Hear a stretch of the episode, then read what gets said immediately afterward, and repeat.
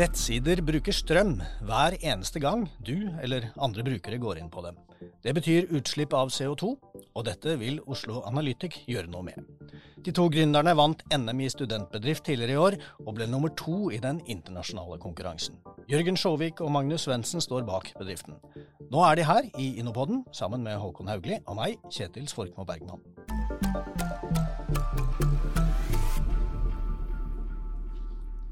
Velkommen, Jørgen og Magnus.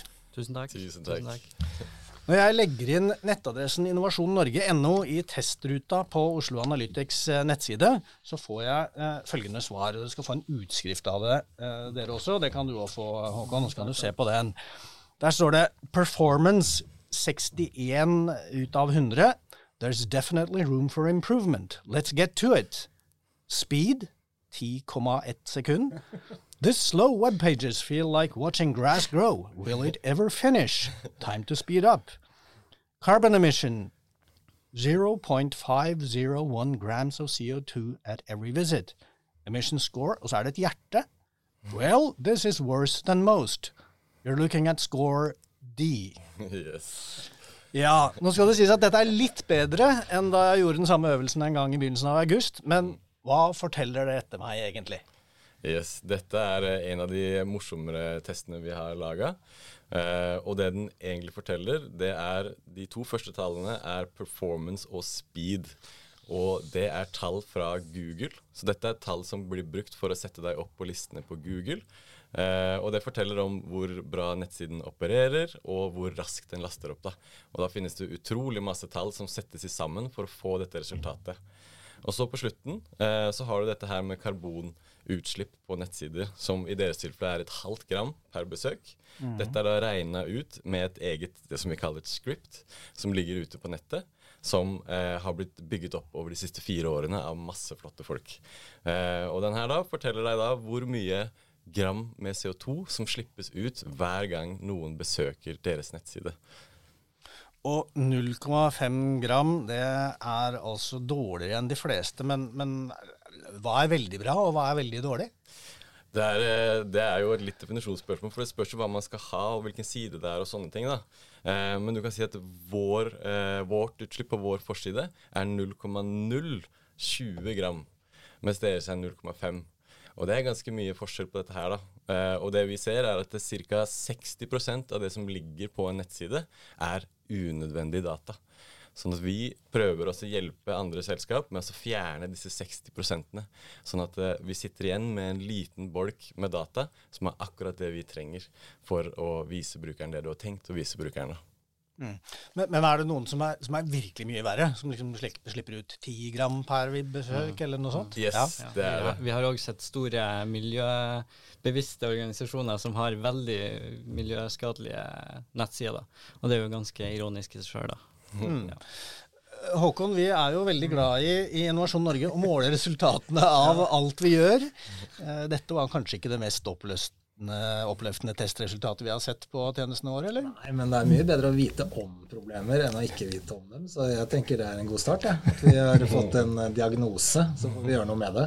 Eh, Det som er også gøy her, tenker jeg, var forretningsmodellen da, til Oslo Analytic. Først gjør man denne diagnosen, og så hjelper dere jo selskapene, da. Kan dere hjelpe oss også med å faktisk gjøre noe med problemet. Det er sånn det er bygd opp. Spørsmålstegn. Ja, absolutt. Og det som er litt kult, er at vi klarer å se eh, nøyaktig hvilke deler av nettsiden, altså på millimeteren, for å si det sånn, da, hva som er problemet, og hvordan vi skal løse det. Eh, og det som er unikt med Oslo Analytic, er at ikke vi bare forteller deg hva som er problemet, men vi hjelper deg også med å fikse problemet. Som er veldig kult. da. Mm. Kan du ikke fortelle litt om, eh, om selskapet, eller dere sjøl? Hvordan fant dere hverandre? Jo, vi går jo master i entreprenørskap ved Oslo Mett, og der hele høst, første året så har vi, tester vi ut ideer, og vi tester ut eh, Ja, som Magnus sa i stad, vi tester ut folk, egentlig. Vi går i nye grupper, og så hadde jeg og Magnus aldri havna på gruppe i lag. Eh, men så hadde vi noe som heter reverse corporate pitch day på siste, og da får vi problemstillinger fra Ja, næringslivet. Sånn turning tables. Yes. Ja. Og det viste seg at det var bare jeg og Magnus som valgte den der utrolig vanskelige problemstillingen. vi var det eneste som gjorde det. Så kom vi, og foreleseren tok oss til side og bare har dere lyst til å ta ned utfordringa? Det blir bare dere to. Dere er vanligvis fire. Men har dere lyst til å være de første og, var bare to på denne oppgaven? Så sa vi ja, vi er det. Vi, vi, må være de første. Så vi tok det, og etter det så har det vært en eh, veldig bra samarbeid. Ja, så gøy. Fortell, Dette er jo kjempegøy. Da. Så det, Oslo Met har jo da et studie, og så er det et mm. miljø rundt det, vil jeg tro. Så hva slags folk er det som velger å gå på entreprenørskapsstudier? Oi, det er nok uh, variert. Uh, jeg tror det, Du har jo en liten type med disse her som har lyst til å få til noe, og som har lyst til å skape noe. Uh, men det tror jeg bare er utgangspunktet, og så kan det være egentlig hvem som helst. Og det er det som er veldig kult med den masteren som vi går, da, er at det, uansett hvilken bachelor du har, så kan du søke. Og det er ikke sånn at de ser spesielt etter teknologer eller sånne ting. Om du studerer dans, om du studerer kunst, så er du like velkommen. Det handler bare om eh, hvem du er som person, og hvordan du kan passe inn i en gruppe. da. Uh, så det tror jeg, jeg tror det finnes entreprenører overalt. Jeg tror mange også er entreprenører uten å vite det. Mm. Uh, og det gjør jo da en mulighet for Oslo OsloMet å, å plukke opp disse her, da, når mm. de da prøver på noe. Altså jeg må jo bare si, Kjetil, jeg har jo vært på besøk på Oslo Met og møtt uh, både dere og andre der, og jeg ble bare så utrolig imponert da, over både måten det tenkes, og kanskje særlig dette stikkordet med tverrfaglighet. da, hvor det er, Så vi har jo tendens til å tenke at det er en slags enten en, en sånn ingeniørøvelse å være entreprenør, eller at, det er, uh, at man må være, begynne med en gang å tenke forretningsmodell. og åpenbart viktig både med teknologi og forretningsmodell, altså jeg mener ikke kimse av det, men det der med domenekunnskap, da, å forstå den verdenen du skal anvende innovasjonen mm. i, da, det syns jeg kom så tydelig fram der at det har man tenkt gjennom. Mm. Skal man innovere i helsetjenesten, er det faktisk en fordel f.eks. For å være sykepleier eller lege, mm. fordi man forstår det. Og nettopp i møtet da, mellom noen som kan forretning, noen som kan teknologi, og noen som kan domener, da, for å bruke det ordet, så oppstår det mye spennende. Så det var utrolig gøy å møte dere da, og veldig god stemning. da, Bra gjeng. Veldig bra. Ja. Nå var ikke meningen å ta over programlederrollen. Nei, men det er gode spørsmål, dette. uh, og, og, dere har jo da etablert en studentbedrift. Uh, dere vant altså prisen for uh, beste samarbeid med næringslivet. Dere vant hederlig omtale i Bærekraftsprisen og beste forretningsplan eller modell. Og ikke minst hovedprisen som Norges beste studentbedrift under Norgesmesterskapet for studentbedrifter. Det gjorde at dere kom videre til Europamesterskapet, og der endte dere på andreplass. Yeah. Applaus altså. og, og hva betyr det for dere å bli lagt merke til? på den måten? For, for, det første så betyr det jo veldig mye. Det er en stor anerkjennelse for oss personlig og profesjonelt. Men det er jo òg eh, en strategi med å melde oss på de her uh, utdelingene. Det er jo at Vi ser jo at vi driver på med et relativt nytt felt innenfor grønn koding og digital bærekraft. Og vi ser at det er ganske mange som ikke er helt opplyst på det, så vi, vi er jo òg på en måte en opplysningssak uh, med det mm. å melde oss på. Mm.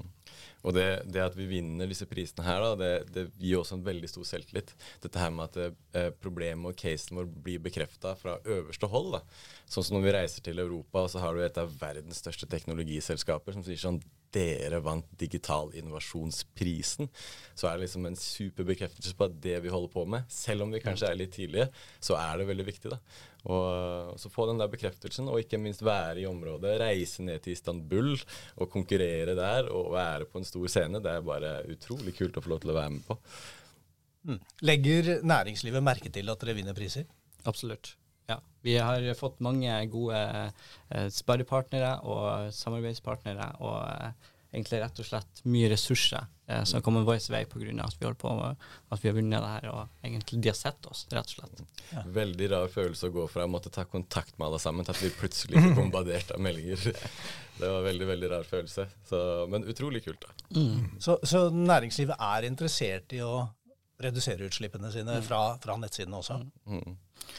Og vi ser, jo, vi ser, jo, rett og slett det, når vi setter oss ned med de, så ja, vi kan ta nettsider, og, og, men om fem til ti år så har vi lyst til å være et selskap som tar vare på alle dine digitale eh, bærekraftspørsmål eh, og reduksjon. Mm. Fokusere spesifikt nå på nettsider, for det er så det er det som er litt kult. Det høres kanskje vanskelig ut og veldig veldig teknisk, og sånne ting, men det er egentlig ganske enkelt. Og det vi gjør, er egentlig vi er vaktmestere på internettet.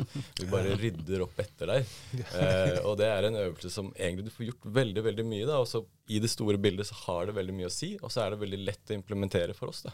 Så, så det tror jeg at eh, flere og flere kommer til å se, eh, og håper at eh, enda flere kommer til å hoppe på den bølgen her. da. Men, men hvor stort er dette problemet på verdensbasis, da? Mm, ja, vi ser at direkte fra internettbruk så er vi en sånn 3,7% av det globale utslippet. Men hvis vi tar med alle scopene i, i spørsmålet, så ser vi at det nærmer seg rundt 7, og det er nesten dobbelt av flyindustrien. Men da tar vi òg med hardware-delen, altså alt av dataoverførsel. Nesten det dobbelte av flyindustrien. Yes. Det er jo helt ellevilt. Hvis eh, jeg driver en, mm, har en nettside da, og lurer på, på hvordan det står til med meg, hva, hva, hva skal jeg gjøre da? Da går du rett inn på osloanalytic.com, og så kjører du en test. Eh, nå ligger det ute en test, den er veldig artig. Eh, nå kommer det snart en oppdatering, forhåpentligvis innen denne podkasten er ferdig. Så går du inn på nettsiden, og så kan du teste gratis din nettside, konkurrenter sin nettside. Oh, ja, Finne ut om kanskje er jeg, hvordan er jeg i forhold til Ja, konkurrenter. Yes. Eh, og så eh, tar du rett og slett kontakt med oss, og så setter vi opp et eh, møte, og så prater vi lett og ledig om dette her, og så ser vi hvilke løsninger som passer deg best. da. Ja. Okay. Hva koster det, da?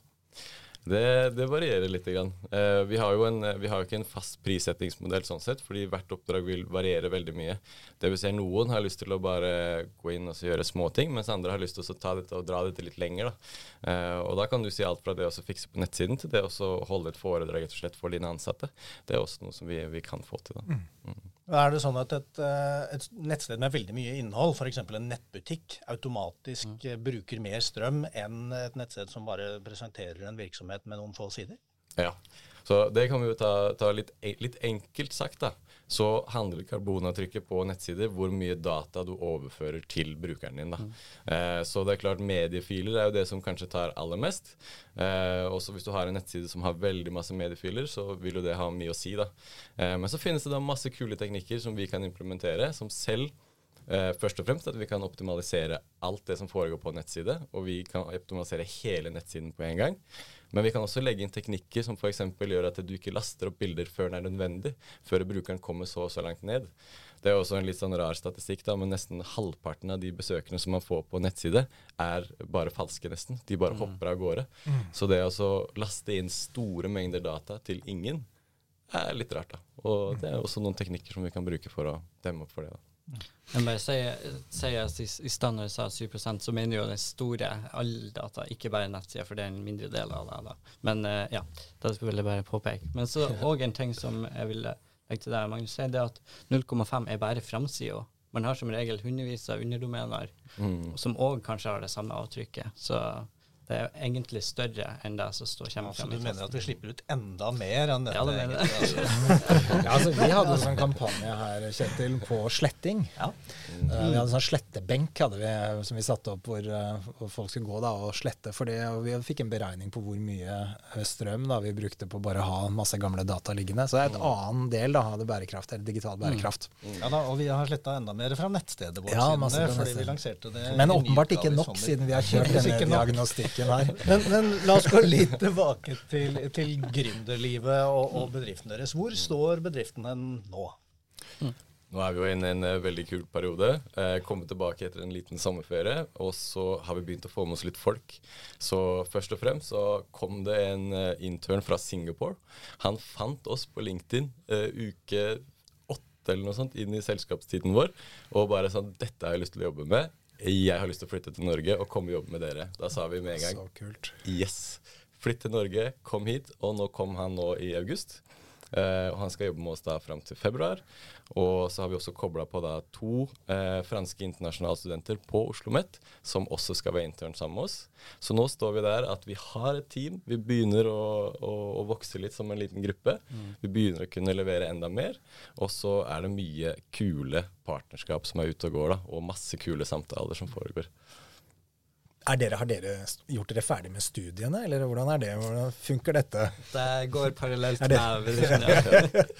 Ok, nettopp. Ja, så det er kult. Hvordan balanserer dere det, da? Godt spørsmål. Vi sitter jo på Vi har fått kontor i studentinkubatoren på Oslo OsloMet. Ja. Så vi springer bare, sitter på kontoret hele dagen. Så når vi må ha forelesninger, så sprenger vi på forelesninger, så sprenger vi tilbake. Ja, skjønner. Nettopp. Så sånn blir det balansert. Ja. og, og det du beskriver nå, er jo at dere er inne i en form for vekstfase. Hva, hva trenger dere nå for å vokse videre?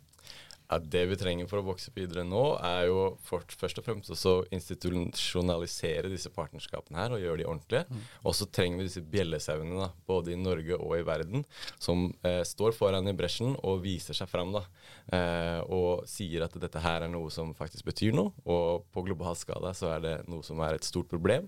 Det har vokst opp som et litt usynlig problem over lang, lang tid nå.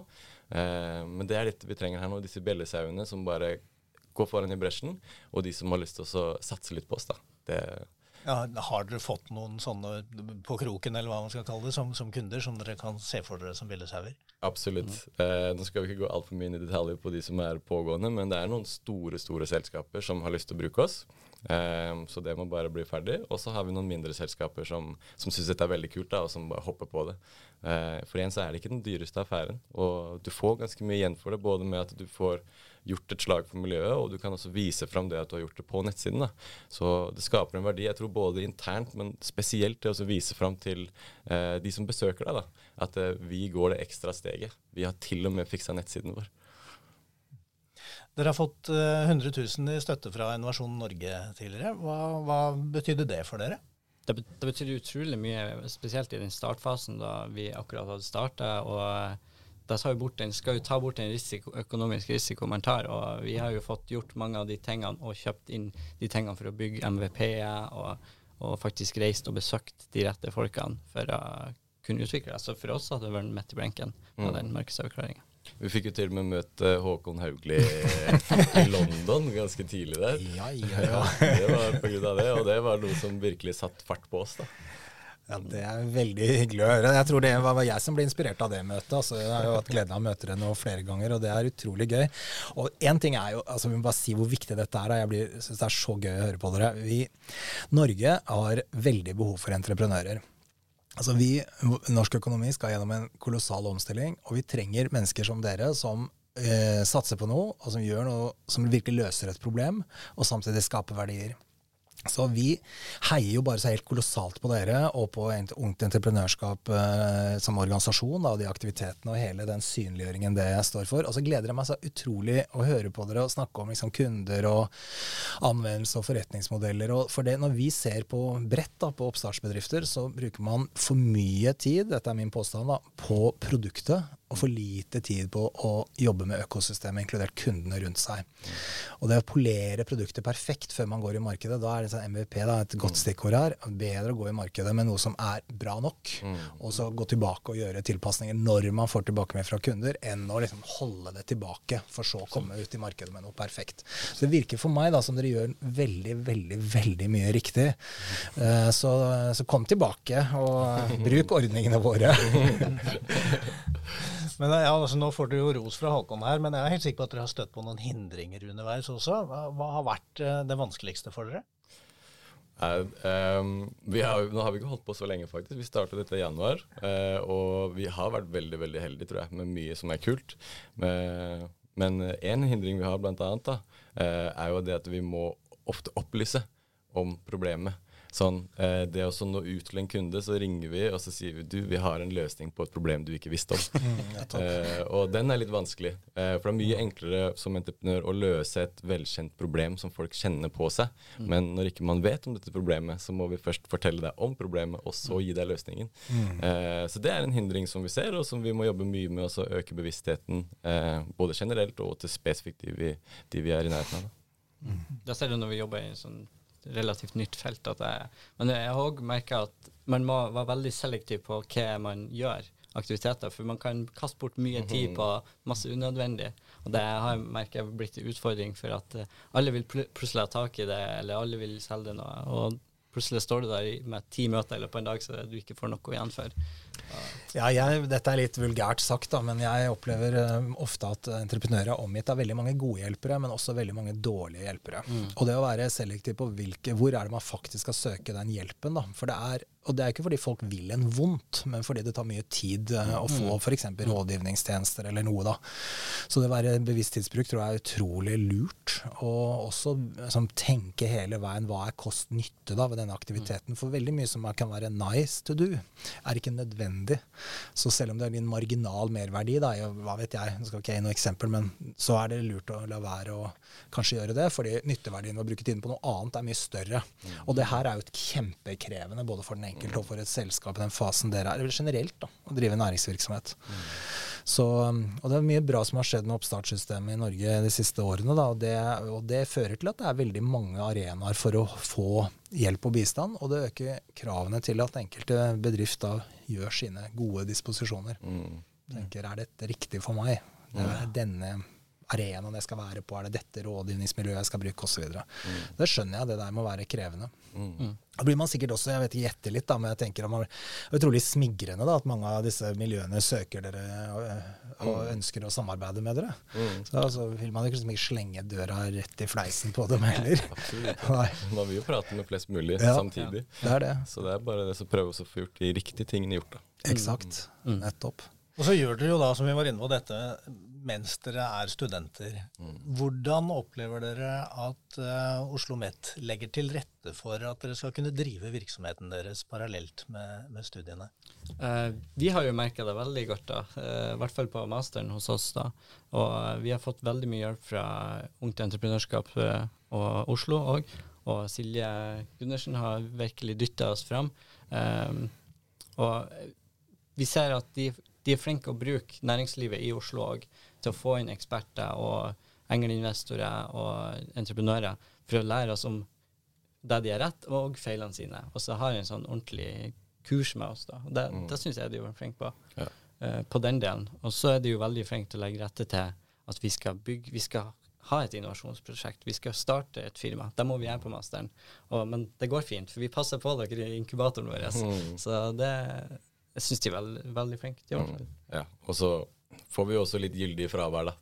Det også er veldig viktig for oss. Eh, vi er veldig opptatt av å reise rundt på mye sånt, så det er ikke alle timer vi kan bli med på. Eh, men det også blir på en måte litt lagt opp til også. At man skal få lov til å utforske og jobbe med dette man holder på mm. med. Og at det kan være vel så verdt som å sitte på skolebenken denne halvtimen. Samtidig så er de fagene vi har, er dritbra.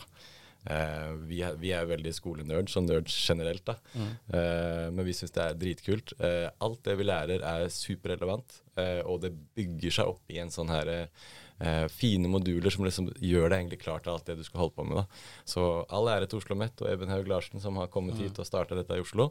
For det har vi trengt, eh, og det skal vi fortsette å gjøre med tror jeg, en, en god stund her i Oslo.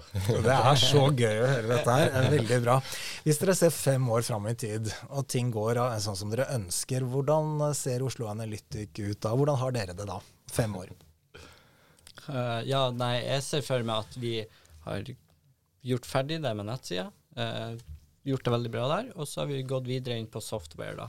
Og fått starta med grønn koding innenfor software. Og vi er jo i noen samtaler som er interessante den veien. Så har vi jo selvfølgelig eh, ansatt mange flere. Mm. Det er jo det som er målet til meg og Jørgen, som vi tenker sånn det er, det er, veldig kult å være liksom gründer, entreprenør og stå liksom i, i, dette her helt i startgruppa og sånne ting. Men det som vi virkelig har lyst til, det er jo å bygge noe som er større enn oss selv. Mm. Og det er å bygge noe, et, et arbeidssted som folk kan komme til. da. Sånn som når vi nå sitter med bare tre stykker, så bare gir det oss så mye energi å kunne jobbe med folk som har så mye kapabiliteter, og som vi kan, kan bygge på videre. Eh, så har vi begge to pedagogbakgrunn i tillegg, så, så dette er noe vi brenner for. Å utvikle selskaper og utvikle mennesker. Da. Så det, er, eh, det, håper jeg om fem år så er det masse mennesker som er involvert i Oslo Analytic, og at det går enda bedre enn i dag. Ja, det er, det er, fantastisk morsomt å høre. Veldig bank i bordet. Jeg håper dette skjer. Ja. Men Håkon, vi, ja. vi, nærmer oss faktisk slutten. Eh, og, og, hvis du skal gi disse to eh, åpenbart ambisiøse og fremadstormende gründerne ett råd de kan ta med seg videre mot, verden, mot på, altså på veien mot verdensherredømme. Så Ja. åpenbart er målet. Hva er det rådet? Nei, altså Jeg vet ikke om jeg er i stand til å gi noe råd, altså. men i hvert fall én ting jeg vet da, av erfaring, er at det krever stamina å lykkes med noe. Altså tålmodighet, og at man ikke gir opp. Og dere vil helt sikkert møte mange hindringer og tilbakeslag og ting, folk som ikke forstår, og mye greier. Så det å da ha tro da, og stå i det, selvfølgelig ikke til enhver pris, det mener jeg ikke, men ha stamina, det tror jeg er utrolig viktig. Man undervurderer, jeg tror særlig i en sånn tidlig fase, det er mye begeistring i en tidlig fase, og det er jo veldig bra, da, ellers har man sikkert ikke gått i gang i det hele tatt. Men så kommer det perioder hvor dere kan ha noen utfordringer, og da være trygg da, på at dere har gjort noen kloke valg, både når det gjelder idé og modell og finansiering. Det vil være min anbefaling, da, mer enn et råd. Da skal vi rett og slett si takk til Jørgen Sjåvik og Magnus Svendsen fra Oslo Analytic. Og vi ønsker dere all mulig lykke til videre. Virkelig. Takk. Heia dere. Takk. Og takk til Håkon Haugli. Mitt navn er Kjetil Svorkmo Bergman.